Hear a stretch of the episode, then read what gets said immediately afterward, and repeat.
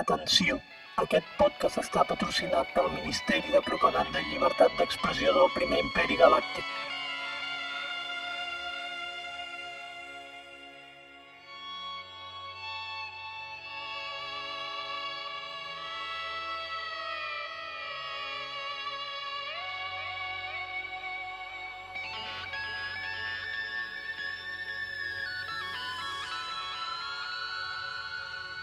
La transmissió beta.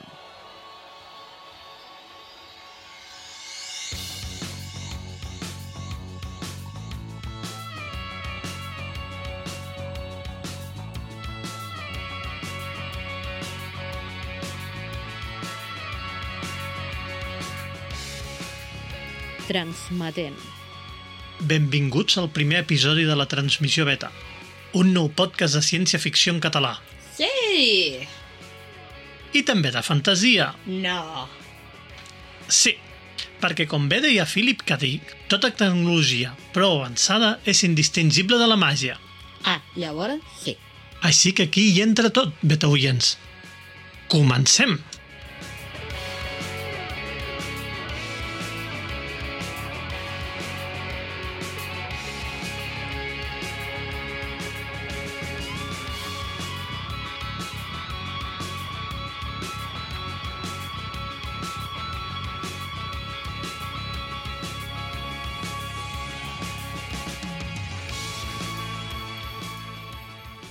Doncs, estimats oients, com us dèiem fa un moment, estem aquí gravant el nostre primer episodi de la transmissió beta. I en aquest primer episodi, que ens acompanyarà regularment, a part de jo mateix, que sóc Abel Singla, serà l'Andrés Àrias. Hola, benvingut, Andrés. Hola, Abel. Què tal? Estàs, estàs preparat per aquesta aventura en la que t'he emmerdat? Perquè Sí. no es pot dir d'altra manera. Buena descripció, porque estoy aquí davant del micro y mm, estoy súper nervioso. Però no has d'estar nerviós. Tranquil, Vale, perquè vale. com que és una... ho podem agafar i canviar tot i esborrar tot. És la màgia de la ràdio, eh, això. Bé, Al final és, al final és ràdio. Doncs, com ja sabeu, com acabem de dir, eh, la transmissió beta és un podcast de ciència-ficció que farem de manera regular amb la- l'Andrés i jo, que esperem que podrem comportar més convidats amb el, amb el temps, és qüestió de temps, i avui el que us volem explicar és per què hem decidit començar aquest podcast de ciència-ficció. Què ens ha portat a estimar tant la ciència-ficció per avui estar aquí, curiosament enmig de la selva negra, encara que el podcast es faci en català, mm, a fer aquest podcast. Així que, Andrés, explica'ns, vinga, va, com vas començar en aquest fantàstic món de la ciència-ficció? pues suposo que se notará por el meu accent. Jo soc argentí. Y mm, en Argentina, cuando, en la década del 80, cuando eh, tot començava per mi, perquè era petit, eh, he vist per primera vegada la casa de la meva àvia capítols de la sèrie original de Star Trek. Y era interesante para mí porque no solamente eran pues naves y cosas así como mm, eh, efectos especiales, sino que también eh, era la parte de, de hacerte pensar una mica més allá dels efectos especials, eh, com podia ser otra realitat i la tecnologia que en aquest moment estava començant i tot això, i així he començat jo amb, amb Star Trek, la sèrie original, i, i després una mica de Galàctica també original. Uh, això és super retro, saps, oi? Sí, o sigui, sea, ahí, ahí se nota la meva edat, no? Sí, sí, sí, o sigui, estem parlant d'algú molt, molt retro. jo vaig començar... Uh, la veritat és que el, és un dels, més més, és que és un dels meus primers records, va ser amb Star Wars. I recordo que el meu pare la va portar del videoclub i ells ja l'havien vist al cinema i la van posar per dinar. I recordo estar flipant, però flipant, jo dic, no sé quina edat devia tenir, devia tenir 3, 4 anys, quan vaig començar a veure per allà els androides movent-se per allà i per mi va ser un moment bueno, explo explosió, jo crec que em va marcar, a partir d'allà va ser eh, indefiniblement, estava la ciència-ficció enganxat, Dic, La primera, el episodio 4. L'episodi 4, Vale. sí. El que era la Guerra de les Galàxies. Sí, sí, sí. Per mi, Sí, allò sí. era la Guerra de les Sí, sí, Galàxies. Doncs, una de les escenes que recordo és aquesta, no? Està estar els androides perduts allà al desert i recordo un moment que la meva mare em diu has d'anar al col·le? I jo, no, o sigui no puc anar al col·le haig de seguir veient això era... va ser, va ser molt d'allò. Aquest és el, el primer record que tinc relacionat amb la ciència-ficció i a partir d'allà ja va ser em van passar anys, vaig veure després a l'episodi 6 perquè l'episodi 4 a 5 no els hi va agradar massa amb uns pares perquè no acabava gaire bé. I llavors amb VHS va arribar només el, a l'episodi l'episodi 4, l'episodi 6 a casa. I vaig tardar molts anys a veure a l'epi- a l'episodi 5 que ja era, ja era bastant Mhm. gran quan vaig dir, bueno, a veure, aquí em falta una part de la història, haig de descobrir-ho i ja vaig dir jo que el mateix del videoclub me la vaig agafar per poder entendre i vaig, i vaig va ser segon moment històric. L'episodi 5 uh, ja sabia, òbviament, que el Darth Vader era el pare del Luke, perquè això es destripava, no, ja, ho, ja ho havia vist amb l'ordre incorrecte, però recordo el combat especial del Falcó Milenari fugint dels destructors imperials, allò, uau, Ja. tio, és que és això. Era otro nivell. Era un altre nivell. O sigui, és No- completament diferent de tot. I que curiós, jo també he fet la mateixa, el mateix ordre. He vist la Guerra de les Galàxies, després el retorn de... El, El retorn del Jedi. Jedi, el regreso del Jedi des de Sí, sí, Argentina, és- i després les 5. Jo he fet lo mateix. Que Eh, curiós. però no debe haber sido muy, muy famoso, muy doblado, no sé, algo? Que No sé. La 5 ha, ha quedat una mica... va quedar en, en el cas meu de la família doncs, amb uns pares els agradaven les pel·lis alegres, que acabaven bé, que portaven bon rotllo i l'episodi 5 no acaba bé Uh -huh. vale? el Luke Skywalker ha perdut una mà els...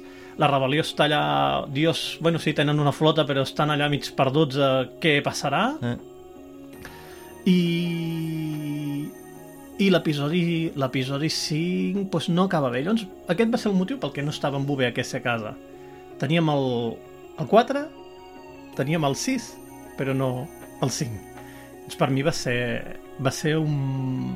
va estar molt guai quan per fi vaig poder-lo veure me'l vaig anar a buscar i vaig dir però això és una meravella. I jo recordo de petit que els hi feia veure tots els meus amics que venien a casa o sigui, era obligatori. Si no havien vist Star Wars, havien de veure la Guerra de les Galàxies amb mi. Però I no, no, els hi, no els hi perdonava. Yo dels meus amics, ninguno, ningú era tan fanàtic así como yo de la ciencia ficción. ¿Y tú? Uh, cap, Cap. cap. sí. Jo era el, era el friki nivell Sí. pro, per això estem tu i jo Ja, fent, sí. fent un podcast, o sigui, perquè érem, érem uns friquis des de petits petits. Òbviament, el... quan hi hagin spoilers de pel·lícules actuals, ho direm. Eh, no considerem que es pugui fer un spoiler avui de dir que el, Darth Vader, que el Darth Vader és el pare del Luke Skywalker. Oh, Mm, y si no, no tendrías que estar escoltant Sí, aquest sí, no, podcast. no, no pots estar escoltant aquest podcast. Vale? Plega i plega i busca un altre podcast. Eh, ho fem molt bé, això de fer-nos publicitat.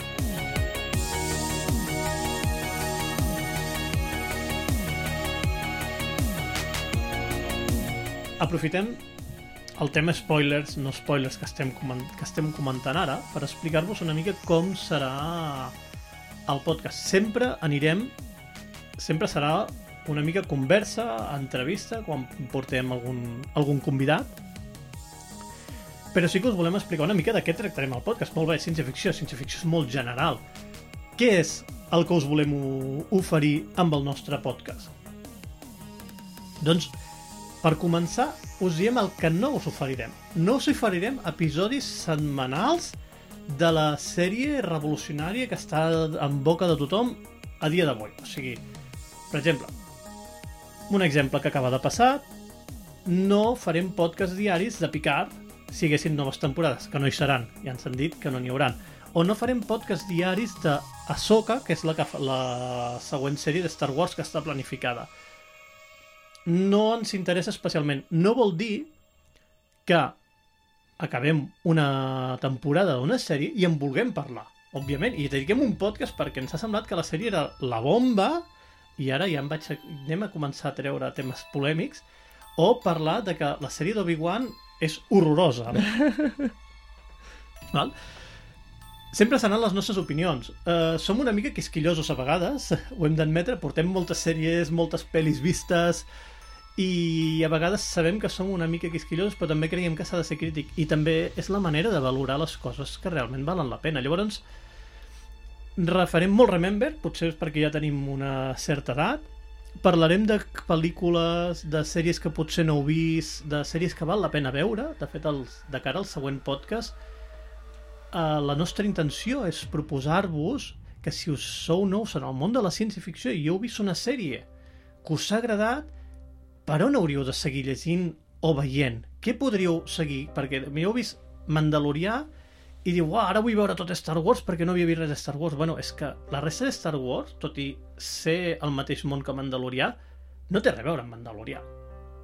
Té molt poca història a veure. No és potser la sèrie que més us pugui agradar. O sigui, veure les pel·lis de Star Wars pot estar bé per vosaltres, per veure una mica el món de Star Wars més enllà del Mandalorià, però potser no us agrada i probablement no és el que més us agradi. Si Mandalorià us ha agradat molt mm, és, un, és una història que passa dins de Star Wars però és molt diferent a la resta de sèries o pel·lícules Sí, hi ha algú, alguna que és eh, totalment diferent. Alguna que encanta y otra que dice, "Mm, bueno, a lo mejor hubiese sido millor no, no, sortir a, o ver otra peli o llegir un llibre o coses així. Exactament, jo crec que si algú li agrada el Mandalorian no hi ha cap, absolutament cap garantia que li pugui agradar Andor. Sí, completament. És- a és- mi m'ha passat això. O sigui, a mi m'agraden les dos, moltíssim, però són completament diferents. Sí. Otro, otro ritmo, otro tipo de... eh, te enganchan diferent. Llavors, en aquest podcast, el que us volem aportar, a part de poder comentar de certes pel·lis i coses que hagin en l'actualitat, però sobretot anirem a un Remember, a buscar aquelles coses que són menys conegudes, com per exemple, i sempre dono aquest exemple, Farscape. Per mi Farscape era una sèrie super infravalorada, molta gent no l'ha vista, la, va ser la típica sèrie amb, amb personatges estranys, altres i això, però que en canvi té unes històries molt riques i molt interessants darrere i que val la pena donar-li una... I de Farscape en parlarem, i farem un monogràfic i parlarem de moments de la sèrie que realment val la pena. Doncs, això és el que podeu esperar en el nostre podcast. Històries d'aquest tipus. Parlarem de Star Trek La Nova Generació. L'Andrés, com ja hem A dit, mi m'agrada, sí. li agrada, li agrada molt. I parlarem de Star Trek, la sèrie original. No anem a buscar estar en la boca, a treure el podcast novetat. No és el que trobareu.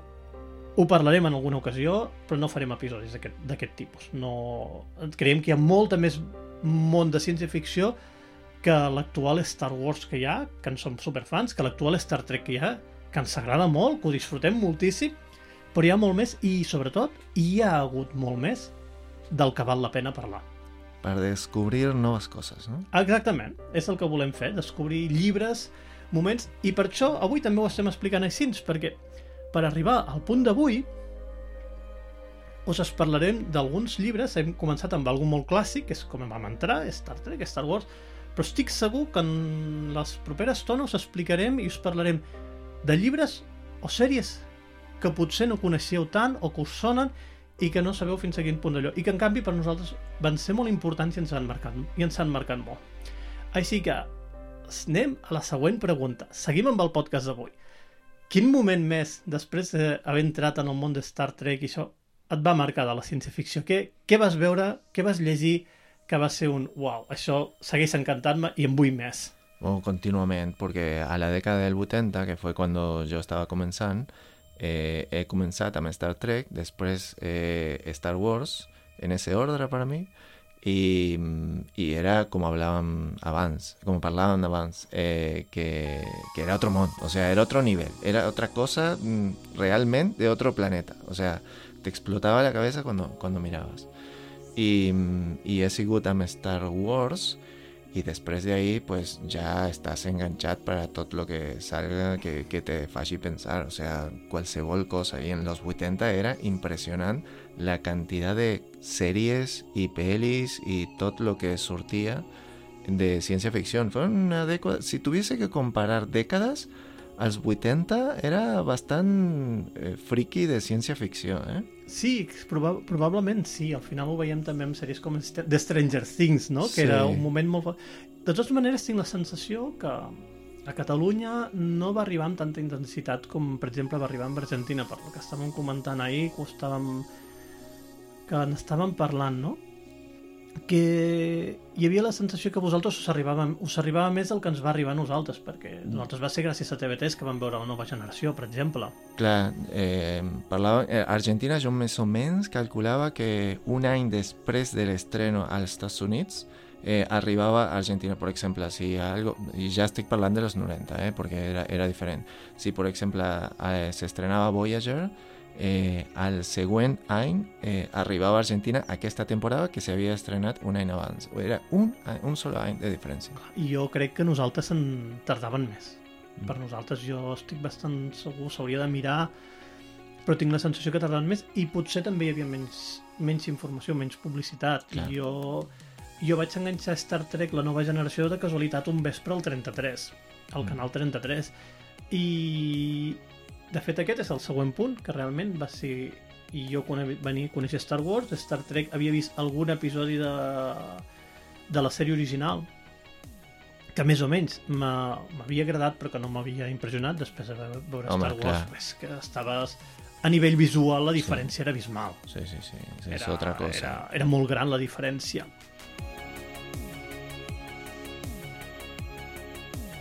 la nova generació ja era una altra història ja la, la, cosa, la cosa millorava visualment era molt, més, era molt més interessant no arribava òbviament al nivell de, de Star Wars però Estava Ja- més actualitzat. Estava més porque, actualitzat, eh, sí. Clar, pensa, la sèrie original de Star Trek és del 60 i pico. O sea, pff, 10 anys són de, de Star Wars a Star Trek original. I ja quan vaig veure la nova generació em va agradar i em van encantar els episodis aquests, el que tu deies, no? el que portava la, la nova generació, de, igual que la sèrie original, que no era només la fantasia per la fantasia, sinó que era, a més a més, el, el fer-te pensar. Sí, la reflexió Ja. que...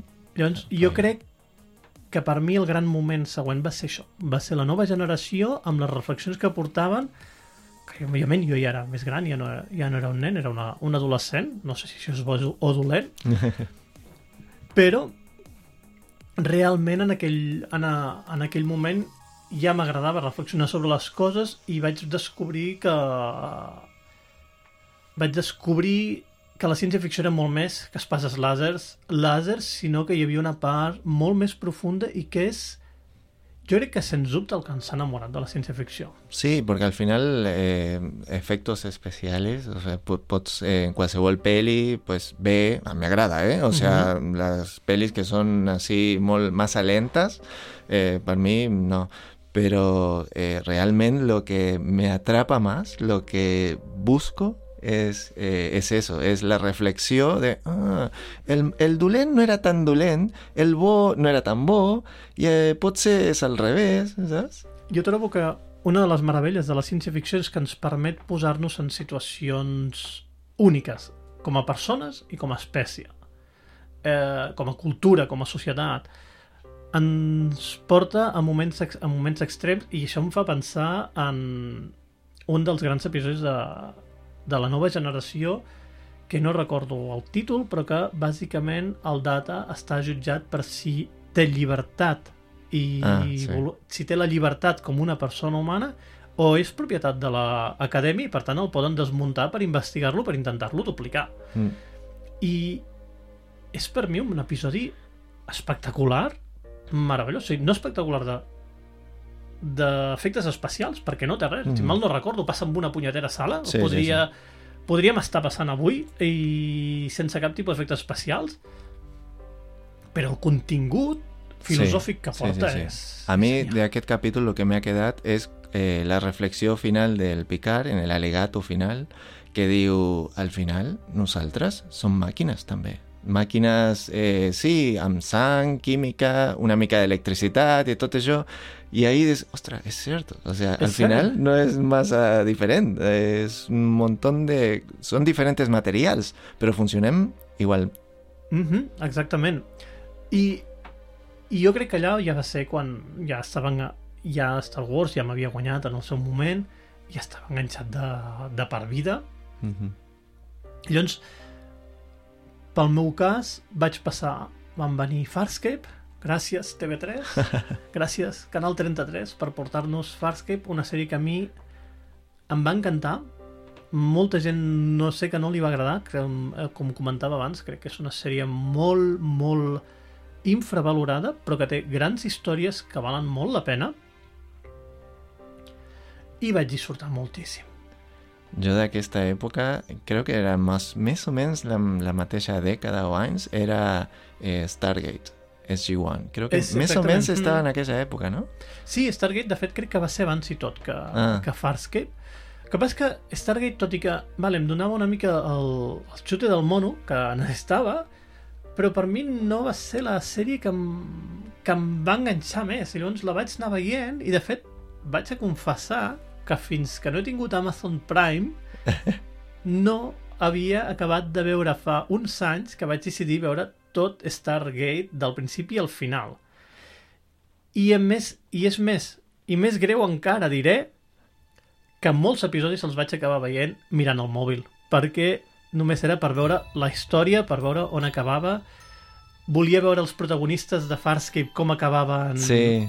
allà, perquè no ho havia, no ho havia vist. Al final Mhm. crec que eren productores similars i quan els personatges Sí. el, quan van cancel·lar Farscape de manera cruel i sang, Com, sangrienta. com sempre, com sempre. Firefly el mateix. Exactament, Firefly, altra que anem de parlar. Sí, sí.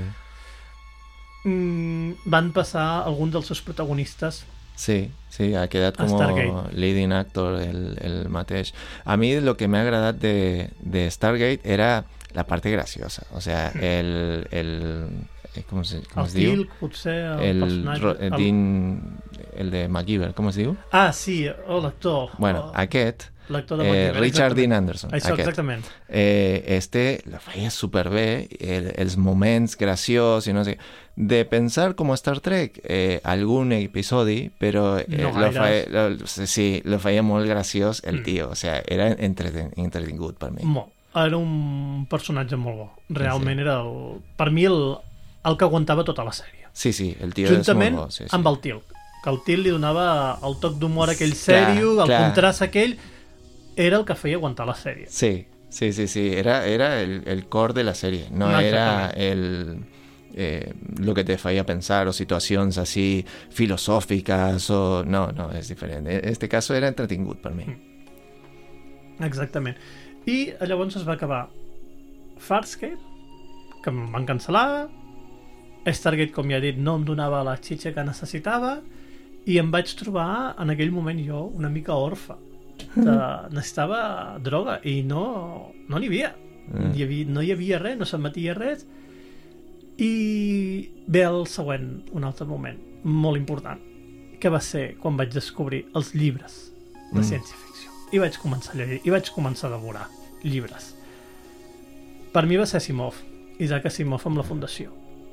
Va ser un clàssic, va venir Sí. un company i, eh, va venir un company, em va, li vaig explicar, hosti, és que no hi ha res bo i això, diu, dic, va, aconsella'm algun llibre de ciència-ficció, i em va dir, diu, a la Fundació d'Asimov. I drogadura. O sigui, algun examen de la universitat no va anar el bé que havia d'anar per culpa d'haver descobert Asimov en aquella època. Ho he d'admetre. Buscava qualsevol excusa per deixar, eh, per deixar d'estudiar, agafar-me un dels llibres seus, ja fos Fundació, ja fos eh, El fi de l'eternitat, qualsevol altre dels llibres em tenien super enganxat i vaig llegir molts, molts, molts llibres d'aquest home. Moltíssims en aquella època. No sé si tu també vas passar per la No, per llibres, llibres, així llibres, tan no, intensa. llibres jo no, no tinc, no sóc molt de llibres, o sea, llegeixo un, Mhm. món, un món, però no de ciència-ficció, llegeixo de, de lo que jo faig, de Mm. tècnico, no, no... Leo molt, eh? Però, sí, ho sé, ho sé, ho però sé. no, per això t'ho preguntava. no, no, no, però no, de ciència-ficció no, no, no, no he començat, o sea, tinc por de començar i, i que, que a lo mejor me, m'enganxe tant que no faci altres coses, saps? És perillós, eh? Ja, o ja, sigui, la meva experiència, ja et dic, a l'època de la universitat, que tampoc és que sigui un sigui el més rigorós a l'època de la universitat, però va ser així. Vaig començar amb Asimov, mmm, vaig passar el joc d'Ender, de, vaig molts llibres, tinc la col·lecció allà, me l'estic mirant i, i tinc molts llibres allà, més tots els que vaig arribar a agafar de la biblioteca i els que em va deixar el, els, el meu company, que aquell sí que era un friqui com jo. Ens vam trobar a l'època de la universitat, però un friqui del meu nivell.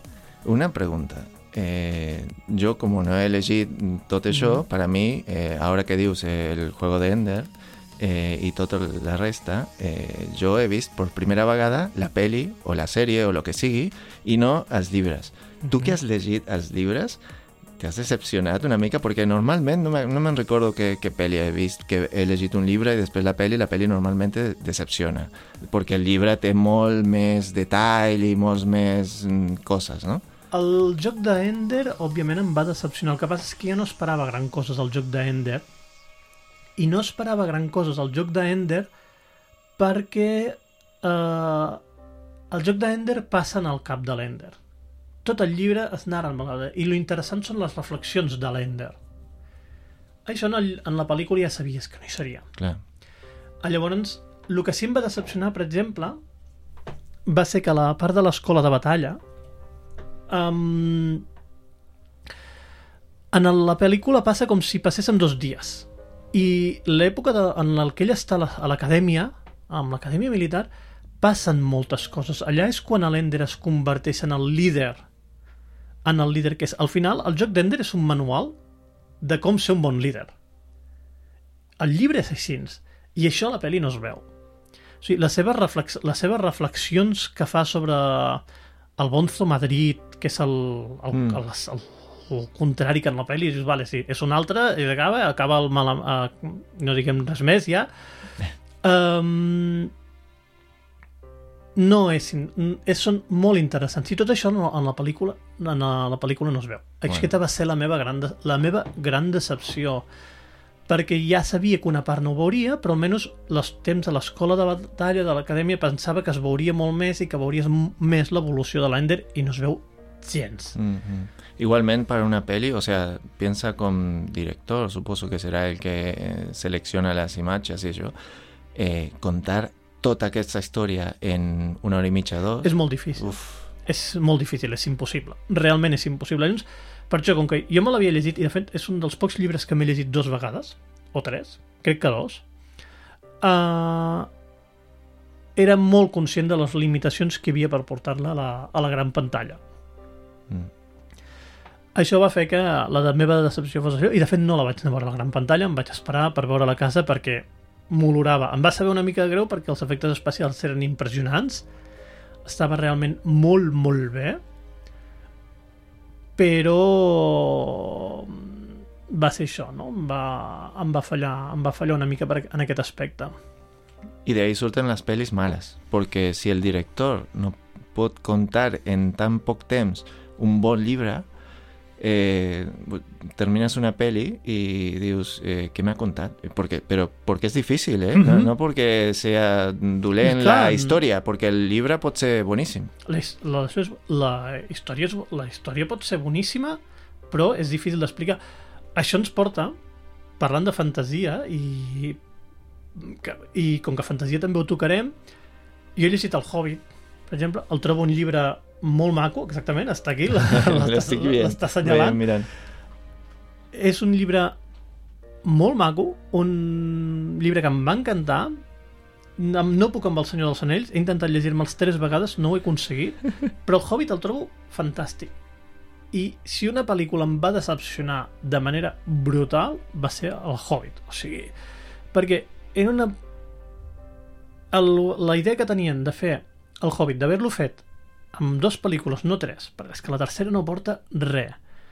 Es podia transmetre aquell llibre a la gran pantalla d'una manera fantàstica amb dues pel·lícules, sense fer-li cap canvi, sense adaptar-hi res, deixant-lo tal qual. I quedava fantàstic. I aquell sí que és un... Aquella sí que és una pel·li que em va decepcionar i molt. Mm. Perquè jo m'esperava que l'haurien portat a la gran pantalla d'una manera magistral, com havien portat el Senyor dels Anells, que encara que no m'agradés, he d'admetre que es va portar superbé. I esperava el mateix del Hobbit, i no, no va ser així. Probablement algú ja ha pagat el podcast, ha deixat d'escoltar-nos, perquè ha decidit que no poden escoltar algú que digui que no s'ha pogut llegir el Senyor dels Anells. Però és la realitat. Serem molt sincers, direm el que ens agrada, el que no ens agrada, el per què i el per què no. Pues yo es de todo, sí. A mí Obviamente. hay cosas que tampoco... O sea, yo, por ejemplo, mira, pichó, encara que tú. Eh, yo la fantasía mm, la, mi- la miro de lejos. O sea, no... Sí, sí, sí. Pero... Pero es part del món. O sea, casi tot lo que es con, con hecho de también fantasía, ciencia ficción... Eh, y ahora un mo- un montón de series. Un montón de series. moltíssimes. Jo m'he llegit de fantasia, m'he llegit algunes coses. Uh, aquí també puc dir que, per exemple, vaig començar a llegir fantasia perquè el meu germà em va regalar Nacidos de la Bruma, perquè amb el Hobbit pues, sí, no l'havia llegit, no havia llegit res més, uh, i el meu germà em va, em va regalar el llibre de l'Imperio Final. No havia llegit res més perquè, com que tampoc vaig poder amb el Senyor dels Anells, doncs vaig dir, bueno, la fantasia potser no és per mi, almenys per llegir-la i l'Imperio Final va ser un llibre que em vaig devorar. O sigui, vaig començar-lo i el vaig devorar. És un gran llibre de fantasia i, mira, no hi havia pensat pel podcast, però ja que surt, sí, és un, va ser un moment clau perquè gràcies a aquest llibre he buscat alguna més de fantasia i he estat més obert a veure la fantasia del que estava abans. Perquè realment eh, aquell llibre, la trilogia de Nacidos de la Bruma original, eh, la trobo una autèntica meravella, una obra mestra, un llibre escrit amb un gran ritme, amb un món molt ric, uns plantejaments molt diferents i que es mereix realment un gran reconeixement.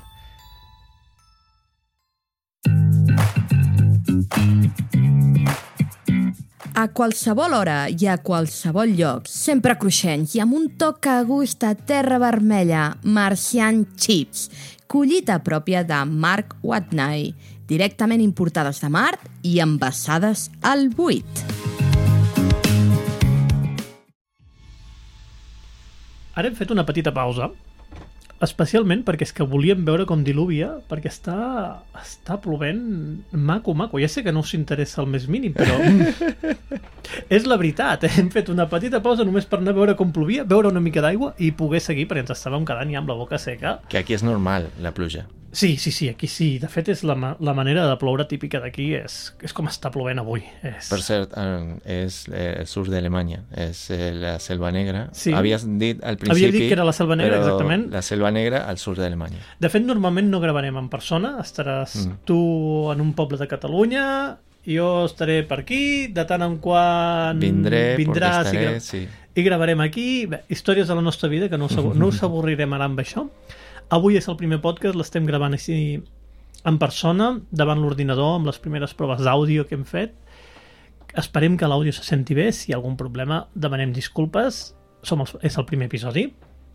O episodi 0, episodi pilot, digueu-li com vulgueu, perquè un dia parlarem d'episodi 0, jo crec. Sí. Crec que és algo que, es que un s'ha de fer. tema espectacular. Yo recuerdo a Argentina que y había una serie semanal de diferentes episodios, les digo episodio cero, y el primer capítulo del coche fantástico, el primer capítulo de Star Trek, tots pilots. Doncs sens dubte, sí, sí. Jo crec que és una temàtica que hem, de que hem de tocar un dia o altre. No sabem quan, tampoc sabem la regularitat amb la que, amb la que gravarem. No ho, hem, no ho hem comentat encara. Vam dir, bueno, va, tenim ocasió, anem, gravem, aprofitem i fem el primer episodi. I aquí estem. Cap endavant. Anirem veient. Mm, màxim jo crec que un al... Mínim jo crec que un al mes. Sí. I potser surt alguna cosa més a mesura que vagin sortint temes. Mhm. Jo crec que és la, la regularitat que podeu esperar per part nostra. I, segui, i seguim.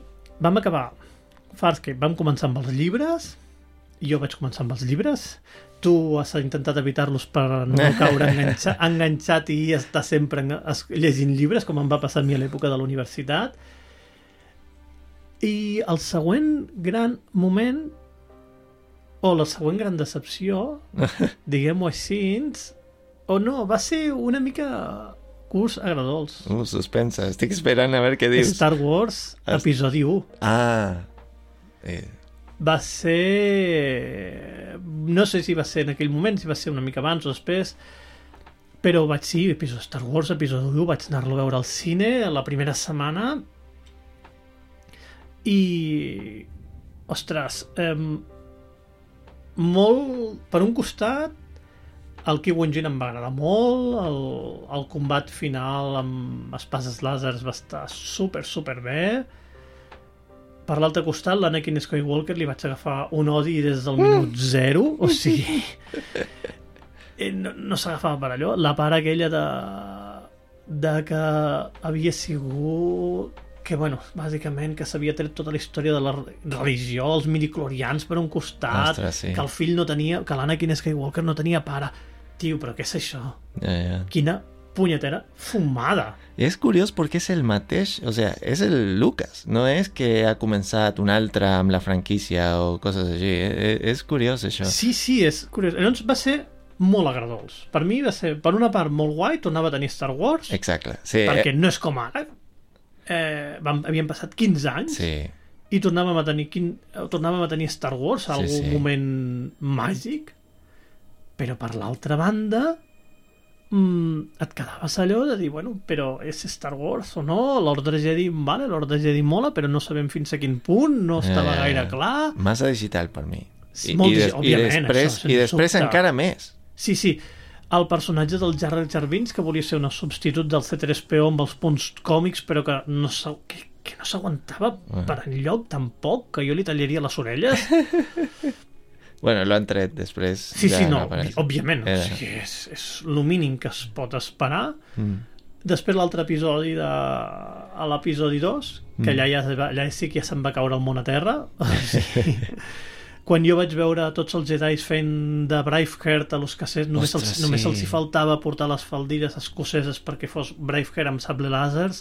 Cert, Vaig cert. trobar un moment tan lamentable que només us diré que l'episodi 3 no el vaig anar a veure al cine.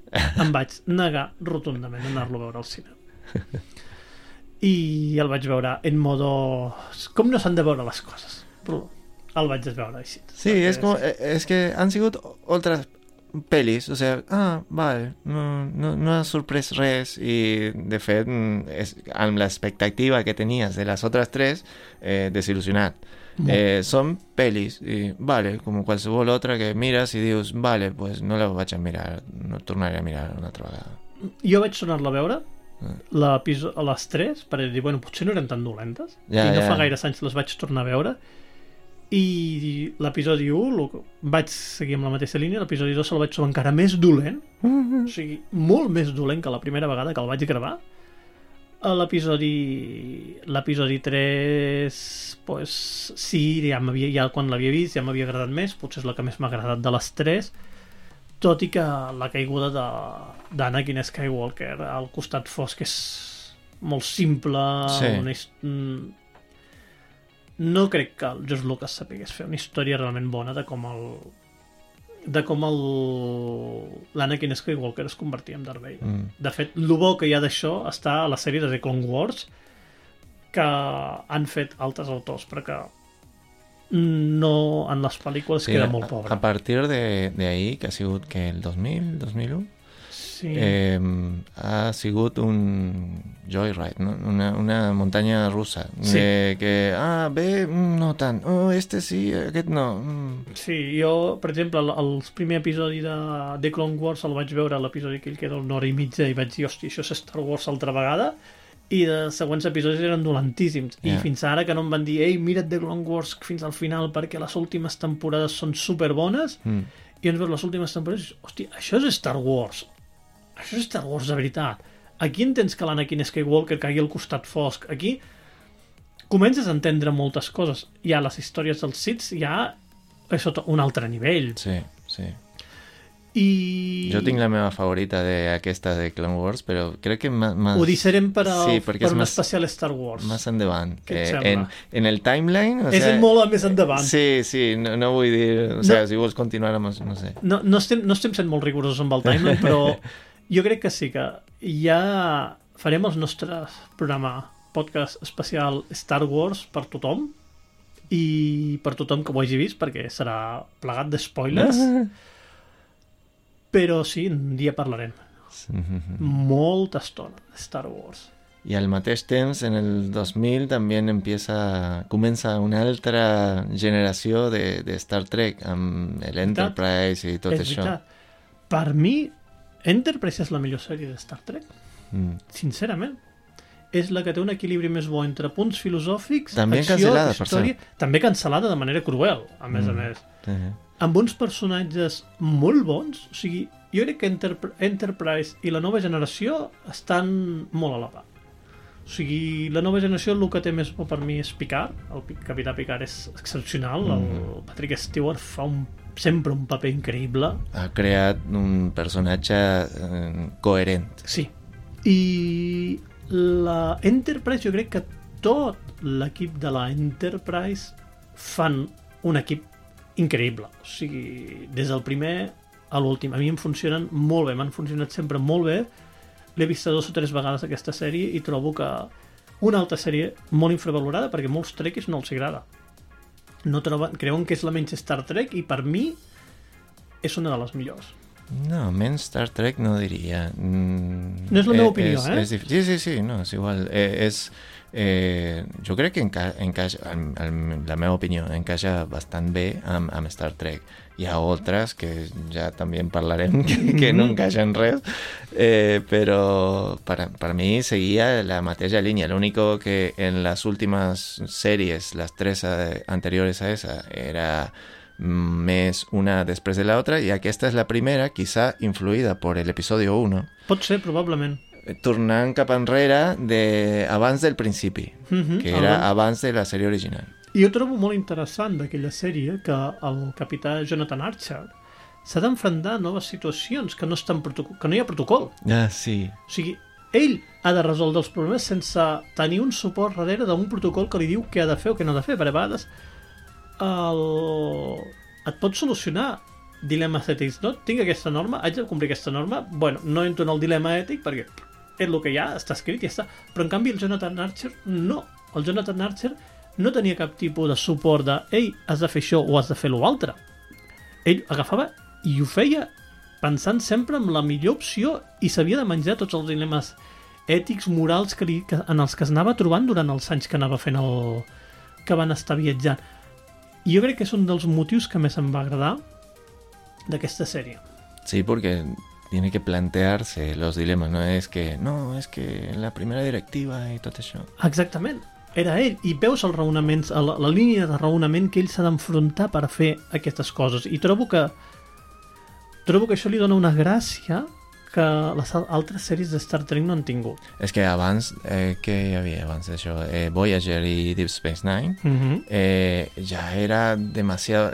Cada vegada le volían, como es en, en, en, el, en el tiempo, eran eh, posteriors a la nova generació, volien més tecnologia, i més tecnologia, i més avançat, i més avançat, i ja era como que, uf, tanto no, ¿no? Es como Star Wars, cuando ya es masa tecnológica y digital, perde la gracia.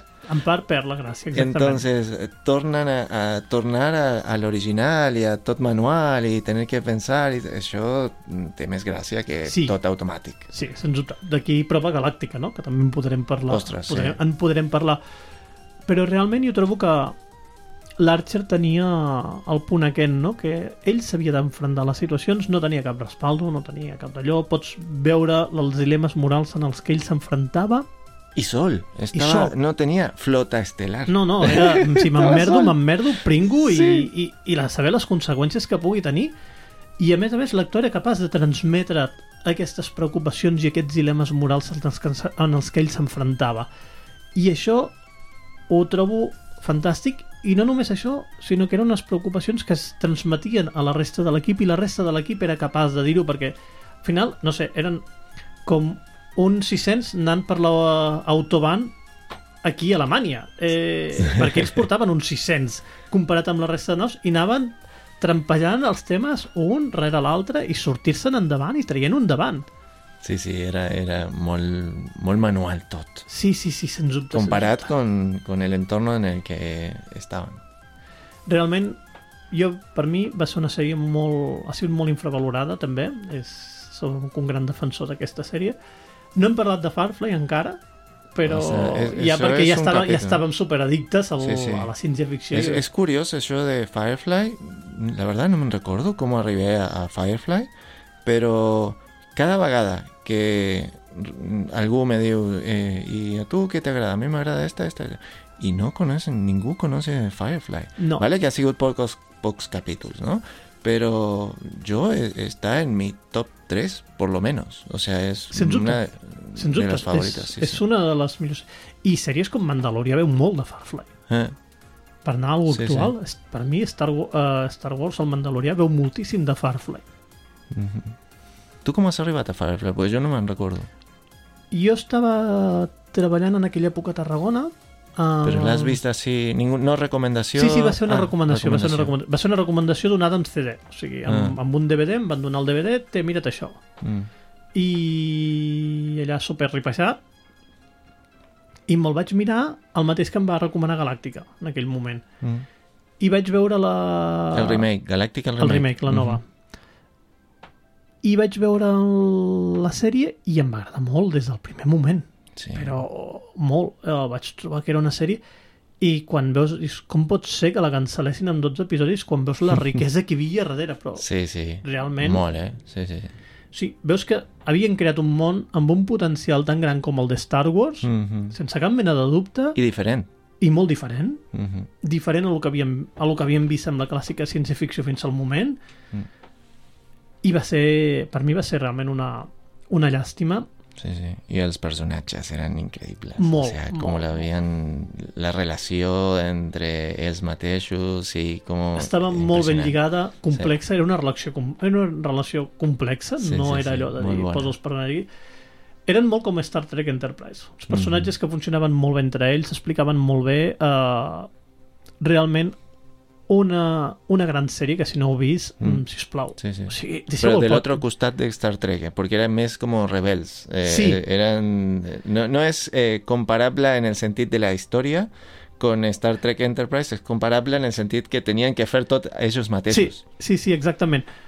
Realment, mm, si no heu vist uh, si no heu vist aquesta sèrie, si us plau, pareu el podcast, Sí, es buenísimo. vale? aneu a veure-la Sí, i després seguiu, perquè el podcast és secundari comparat amb aquesta sí. sèrie. Eh, mm, És sí. de lo millor que s'ha fet de, de sí, sí. ciència-ficció. Molt bo, molt bo.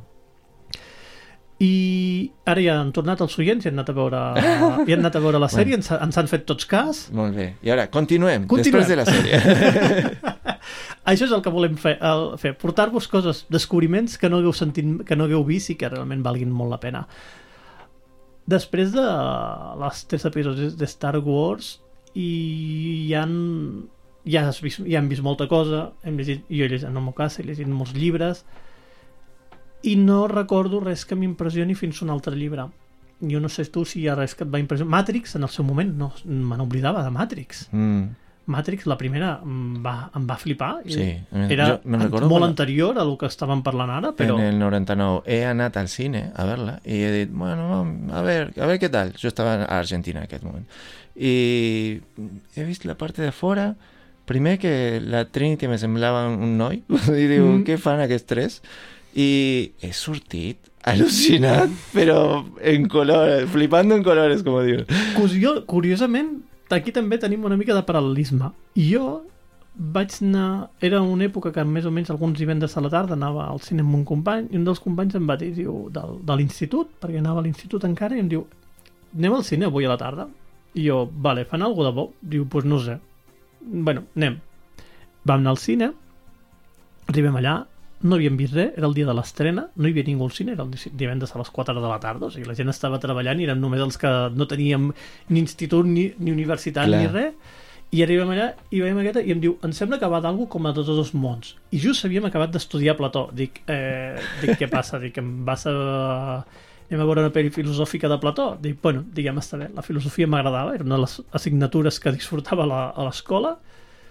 Anem a veure, però no en sabia res, ni un tràiler, res, res, res. Al·lucinant. O sigui, va ser brutal. Sí, sí, y diferente. Es que el tema Molt es això, diferent. porque no te lo esperas. No. Y es... Eh, i te fan una nova història i així, i pot ser que alguna sí, és semblant a això, però completament diferent, sí. Sí, sí, no, realment em va, em va agradar moltíssim. Va ser una Mhm. gran pel·li perquè trencava moltes coses en aquell moment. Molt dura, amb la, la crítica va ser molt dura amb ella. Uh, Sí? No, sí, no. havia, hi va haver, van haver crítics de cinema que van ser molt durs amb ell i en què s'havien adormit durant el cine i això no ho puc entendre, però bueno, per gustos, els colors. jo crec que amb lo diferent que era en aquell moment eh, es mereixia una crítica i si no li trobo sentit però realment va, va ser una... Després, la segona i la tercera Matrix la cosa em va decepcionar bastant més. Ha canviat un món. Molt. Yo no recuerdo que había visto eh, los propios actores y Mm. las actoras que decían, eh, sí, pero la primera han practicat molt las batallas y no sé qué. Ah, la segunda ya iban de guays, ¿sabes? Mm, no. clar, y se nota, y Es se nota, nota. es nota. Eh, Però la història tampoc no m'acaba de convèncer, llavors la van voler reconvertir més a superherois que no pas a, potser Mm. tant a, el que era jo no sóc gaire fan dels superherois ja ho dic ara mm. Yo tu sí. sí, tu sí, o sigui, estàs sí. aquí per posar, Sí, sí, portar-me sí. a la contra Yo sí, yo sí. No, eh, eh, pocs còmics, però pel·lis i això sí. Eh, còmics? No, tu eres de còmics? O no? no en tinc un parell aquí que em va regalar el meu germà vaig disfrutar molt el de Doctor Strange però per Però quan eres exemple, petit, jo quan era petit... No, petit al- res, algú, zero de algú, còmics d'aquests. Algú sí, mm, eh, o sea, por això coneixia. Pero sí, el superhéroe es, es otra... mm, te, te ataca el cerebro de otra forma. d'una altra manera Sí, sí. sí. a mi no m'han funcionat mai tant vaig disfrutar molt amb algunes de les pel·lícules de Marvel i en parlarem Mm, però no he sigut algo que m'hagi apassionat tant com la resta. Va apassionar, per exemple, mm, Guardians de la Galàxia, perquè per mi era una space opera pura i dura. La Molt primera, bona, molt bona. veure amb superherois i m'ho vaig passar super, super, super bé amb aquella pel·lícula.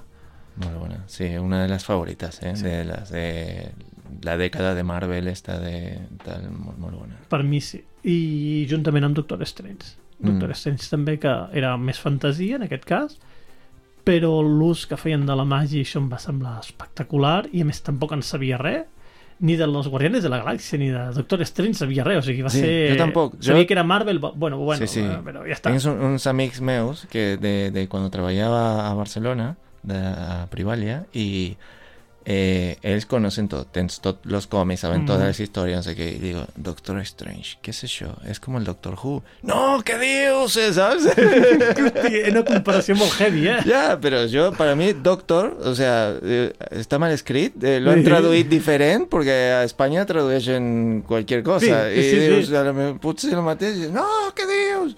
Sí, sí. No, no, doncs jo tampoc sabia res i les vaig disfrutar, les vaig disfrutar molt, eh, aquestes dues pel·lícules. I m'he oblidat de ara que dèiem de còmics. Sí que hi va haver algú de còmics en la meva vida, a part d'Astèrix, Obélix i aquests, però que no venen al cas. Um, mangas, anime, anime, Ah, Ghost in sí. the Shell. Ghost in the Mm. Shell, la pel·lícula em va flipar. Yo he mirado un mon, pero anime. No, no, Mm. co- no, ¿cómo, cómo se llama? Cómic, Cómic no, eh, no, son manga. manga no. Manga no. Manga no, Argentina no llegaba molt. No, arribava arribava molta molt. cosa. Pero eh, pelis y series sí, desde el 80. O sea, ya eh, molt aviat. Mhm. Eh, s- sí, de eso un mon. Ca- Te diría que casi tot. Jo vaig, vaig veure bastanta cosa, però sí que aquí no sóc un, ex, mm, no sóc un expert en res, però aquí menys. O sigui, mm. senzillament em va agradar molt Akira, em va agradar tot i que és bastant fumada Akira, però Mm, bueno, mm. em va Bueno, però agradar, dècada em va del agradar 80. Ghost in the Shell, Ghost in the Shell sí la vaig trobar una obra meravellosa, després vaig llegir el còmic i aquí el còmic em va més aviat decepcionar perquè no té un aire seriós com té com té la pel·lícula Mm. i el còmic està molt bé, eh? també és molt recomanable, però no té res a veure amb la pel·lícula. I, uh, I la va primera ser... vegada quan, quan ha sigut? Perquè la, la majoria de la gent que he parlat a, a Catalunya han començat amb el Massinger Z. Jo vaig, bueno, vaig començar bàsicament amb... Arare hauríem de considerar, Ah. el Doctor Slum hauríem de considerar Ja. ciència-ficció, perquè l'Arare és un robot. O sigui, cuidadín. sí, sí, sí. Uh, jo amb l'anime va ser bàsicament bàsicament Arare uh, el Bola de Drac, òbviament i després va ser ja vaig entrar amb l'anime perquè feien els programes de TV3 al vespre de, de manga que vaig veure algunes coses i Ghost in the Shell ja el vaig veure Mm. ja l'havia vist abans ja de les pel·lis aquestes i realment em van agradar molt i vaig anar veient coses, tinc bastants còmics, alguns còmics de Masamune Shiro sobretot, que era l'autor de Ghost in the Shell, però és un rotllo molt diferent. Yo he comenzado, lo, lo primero que, o sea, he pasado del, mm, cuando era muy petit, ¿eh? de, eh, Tom i Jerry, Bugs Bunny, la típica que començaven curts i ràpid, a una sèrie de, de, de anime que és mm, boníssim per a mi. Encara els meus fills eh, estan al·lu- al·lucinats amb aquests i Mhm. són, tenen 14 i 12, o sigui, són petits. I era eh, Robotech, es deia, la part eh, comercial. La sèrie original japonesa es diu Macros. Ah, Macros. Sí. N'havia vist alguna però no l'he vist, no l'he vista sencera, Pues ni molt menys. Era alucinant porque tú veías que veías las tonterías de, de cartoons, que Mhm. son, son de perseguir y eso, y de repente una historia de veritat que ves, has vist com són les japonesos, que Mhm. quan algú és mort, és mort, Mhm. i desangrat, saps? Així. De manera cruel. Sí, sí, sí. A ver, no era tan bestia porque era eh, los 80, pero, pero sí, sí que te, te impactaba de decir, uh, una historia de veritat que no és una peli, és un anime, un dibuix. Sí, sí. És, realment, jo crec que per això l'anime va, va agradar tant, no? Mm. Perquè mos- real. mostrava una serietat que no veiem amb el- Sí. amb l'animació tradicional, per dir-ho així. I... I Macros la tinc pendent. Me l'hauré descarregat. Si em Pues dius que han està... sortit un si dius que és tan bona- de, de, sèries de, de sèries de la misma història. O sigui, Mhm. ha començat el 83, 82, crec, la primera, i, la, i han sortit, no sé, per lo menys eh, 8 sèries diferents, 8, i, eh, perdó, eh, anime, sèries, eh, pelis i coses així. La última crec que ha sigut el 18, el Macros Delta, però Macros Frontier també està molt bona. Eh, I tot la mateixa història, eh? Doncs molt mira, ja, ja m'ha valgut la pena. Ja, Sí, sí, ja, tinc, sí. ja tinc una recomanació que Sí, jo no, sí. hi, no hi comptava. I he trobat Macros 2 en català, així que en algun moment eh, a Catalunya potser el vagin passant. Vale. Sí, sé que van transmetre alguna de macros, però no sé, eh, no sé el què. Ja parlarem. Després hem de parlar, tu i jo. I ara ja sí que ja més o menys ja estem acabant perquè ja arribem al, a la fase final, que és quasi el moment actual. Entremig va haver-hi un llibre. Va haver-hi un llibre que haig de recomanar a qualsevol persona que li agradi la lectura, que és La xica mecànica. És un llibre de ciència-ficció molt dur, amb moments molt difícils, una ciència-ficció molt pròxima, en un món que ha acabat arrasat per culpa de... És una distòpia molt dura, un món que ha acabat arrasat a resultes d'unes malalties. I per mi aquest llibre és un, una autèntica obra mestra. O sigui, està a l'alçada de està a l'alçada de Simov, de tots els grans mestres de la ciència-ficció. Un llibre que només puc fer que recomanar, que sempre he recomanat. Ara no és un llibre fàcil de llegir. És un llibre d'orillo, amb moments difícils, però amb context filosòfic darrere. Realment, una gran història, li vaig recomanar a la meva, a la meva dona, se'l va llegir i va coincidir que també era un dels seus millors llibres que havia llegit i per mi probablement és el millor llibre que he llegit jo especialment de ciència-ficció, però en, en general. Mm, alt, el nivell alt. Eh, Eh, mm. perquè jo sé que has llegit un món. I jo, per mi, és un gran llibre. I li vaig, li vaig passar, el, li vaig recomanar al Carles Santí del, del podcast Fuera de òrbita i recordo que el, quan el va fer el review va acabar i va dir, diu, li poso un 9,5, no li poso un 10 perquè, si mal no recordo que deia, diu perquè no és un llibre fàcil de llegir. Mm. Diu, però la nota... I el Carles Santí també ha llegit moltíssim, però realment molt. Mm -hmm. I va coincidir amb mi. No és fàcil, però si voleu una bona novel·la i voleu ciència-ficció bona i dura, mm, no us el perdeu. És realment el millor. I jo crec que això va ser l'últim gran moment de la ciència-ficció per mi. Podríem parlar una mica de les noves pel·lis de Star Wars, però crec que ja no val la pena. No, ja en el episodi especial. Especial de Star Wars, ja en parlarem. Uh, Indiana Jones, Indiana Jones, re Regreso al fantasia. futuro, Sí, os- son Regreso- cosas, eh? és veritat. Sí, no hi sí. pensava en Regreso al futuro. Bueno, però Ah. tindrem capítols d'això. Sí, tant, sens dubte. I Doctor Who? Ah! Doctor Who. Jo eh, debo admitir que la he descobert tard, eh? Jo la vaig descobrir tard. Bueno, la vaig descobrir el 2014. 2014 no. 2013-2014. No, pues más o menos igual que jo. Sí, uh, no sabia res de l'antic Mm. Doctor Who, o sigui, tot és ja a partir de no del, de la... mm, de les noves que van fer, Mm. amb el Bernie Eccleston, David Tennant, i he d'admetre que m'he desenxufat una mica. Uh, El David Tennant para mí és el millor. És el millor, sens Sí, dubte. no, sí, sí, sí. A- La noia no em... vaig començar a veure els primers episodis de la... que la doctora ja era una noia i no em van acabar d'enganxar, no perquè ella fos una noia, no, no em va enganxar. Mm Mhm. Me'ls veia, però ja jo està. he vist un parell, però no... I... Encara, encara sí. Sí, sí, sí, i a més a més hi ha, hi ha un nou doctor ara i per tant haig de seguir perquè em vull posar al dia i és d'una O sèrie sea, de les ja no que és parlar. la, més la dona aquesta. Mm-mm. Ah, Ja no.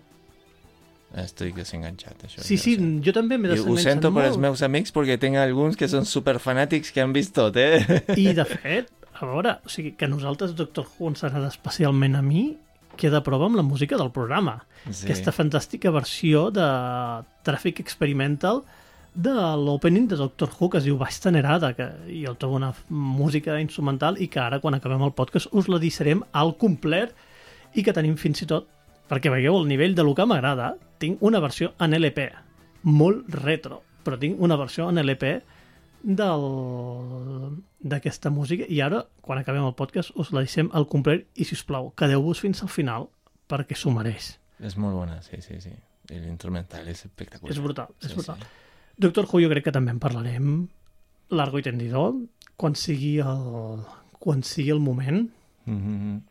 A mí lo que me sorprende, perdón, ¿eh? lo, lo ulti- lo último del Doctor Sí, Who, sí, sí, sí, eh, endavant. de Doctor Who es el eh, con tan poc pressupost que com pot ser que enganche... O sea, jo la mirava i diu, però això, hi ha un colador enrere, saps? Coses així, però no podia deixar de mirar-la, era boníssim. És les que les històries de Doctor Who, eh, sobretot en, amb el Bernie Eccleston, amb el David Tennant, Don Blink, l'episodi de Don Blink, és, és una punyetera obra mestra de la, de la televisió, o sigui, no de, Sí, sí. de la ciència-ficció, de la televisió, Sí, sí, i ha sí. rebut premis uh, per parar un tren, aquell Sí, sí, episodi. El que passa és que és cert, Doctor Who costa entrar-hi. A mi m'han dit, eh, la primera vegada que m'han dit, eh, Javier en Privalia m'havia dit, eh, mírate aquest capítol, si aquest no t'agrada, doncs no continues mirant-lo. Quin capítol era? Es el capítulo, no sé cómo es digo, pero era uno de unas como gárgolas que se feien Ah, de pedra. Don I- Blink, a l'episodi de Don. Blink. Ah, és pues no ho sé. I l'ho he vist i m'he quedat al·lucinat. Digo, oh, oh my God! ¿sabes? Sí, sí, així. és, és allò. Però costa molt entrar-hi. O sigui, si comences des del primer, el primer episodi de la Rose Tyler i el Bernie Eccleston, és d'orello. O sigui, veus els primers episodis, jo l'he recomanat a molts amics, n'hi ha alguns que han entrat, n'hi ha d'altres que no. El, la descripció de Doctor Who és que és com una caixa de bombons. Uh, hi ha dies que et pot agradar i ha Mm. dies que no t'agradaran gens, el bombó d'aquell dia. Bueno, eh, quantes sèries tens que Sí, t'agraden sí. tots els capítols? Molt poques. No sé, eh? I, I pot ser alguna temporada d'alguna sèrie que pot ser que està bona, però és molt raro que... És molt difícil. Sí. És molt... Però realment hi ha episodis que, són, que eren molt especials. Eh, És una sèrie molt arriscada. Era una sèrie Però molt val la- arriscada, val que la prenien uns riscos que valien la pena i et recompensava amb autèntiques meravelles. Sí, sí. O sigui, a l'episodi del Bernie Eccleston de Ets la meva mare, no he vist una, re una recreació nova millor dels zombis en ma vida. O sigui, Molt bona. És... I apareix el nou personatge, el capità Jack Harness, Mm. que un altre personatge meravellós el que es va mereixer fer un spin-off amb Torchwood, o sigui... Sí, cert. Doctor Who també va ser una gran sèrie, també ens va marcar justament per això, per amb, com amb molt poc pressupost podies crear unes històries fantàstiques i enganxar-te eh, de, de manera... Ara, sí, és cert, no és fàcil com entrar en el món de, de Doctor Who. Mhm. Sí, sí. I ara, sí, no, ja... Se Ja t'acut res no? més? No, no, portem ja- més, no, no, no, ja portem ja més d'una hora i jo crec que ja està. Hem d'anar a fer el dinar, hem de dinar i esperem això, esperem que us hagi agradat, que hagueu disfrutat. Us deixem amb la música sencera de Traffic Experimental perquè es mereix que escolteu la versió al complet i ens veiem pròximament amb un podcast que estem segur que us interessarà molt, que, sobretot pels que sou nous a la ciència-ficció, que és si he vist això, per on haig de seguir? Ha sigut un plaer estar amb tots vosaltres i ens veiem en aproximadament un mes, 15 dies, un mes, ja ho Pues veurem, Sí, ja ho veurem. ja ho descobrirem. Molt bé. Moltes gràcies a tots. Gràcies, adeu. Fins la propera.